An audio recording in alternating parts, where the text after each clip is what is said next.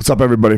Make sure you go check out my website, elliottmarshall.com. You can get everything there, uh, all of my podcasts. So, any, any podcast episodes that you are looking to listen to, um, my book, both Audible and uh, paperback cover, are on the website. And also, you can grab any of my courses and my webinars. So, um, head over there, elliottmarshall.com. It's got everything you need, and we'll see you there. Quick question victim or victor? Which one do you want to be?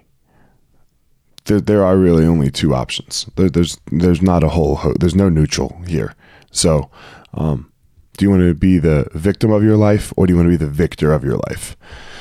What's the difference? The difference is super simple.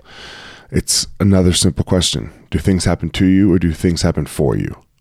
And when we can switch the mentality from things happening to us, oh, this happened to me today, then and then we can say that this happened for me today.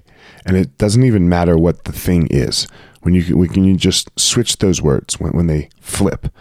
When you insert one take out the other. Your life changes. Nothing happens to you. Nothing. It all can happen for you. It's just how you how you look at it. It's how you choose to look at what is going on in your life, how you choose to digest that information, and what you choose to do with it. Victim or victor, which one do you want to be? It does not matter your circumstance. It is, yes, it's hard for, for a lot of people. It's hard. I'm, I'm not saying it's not.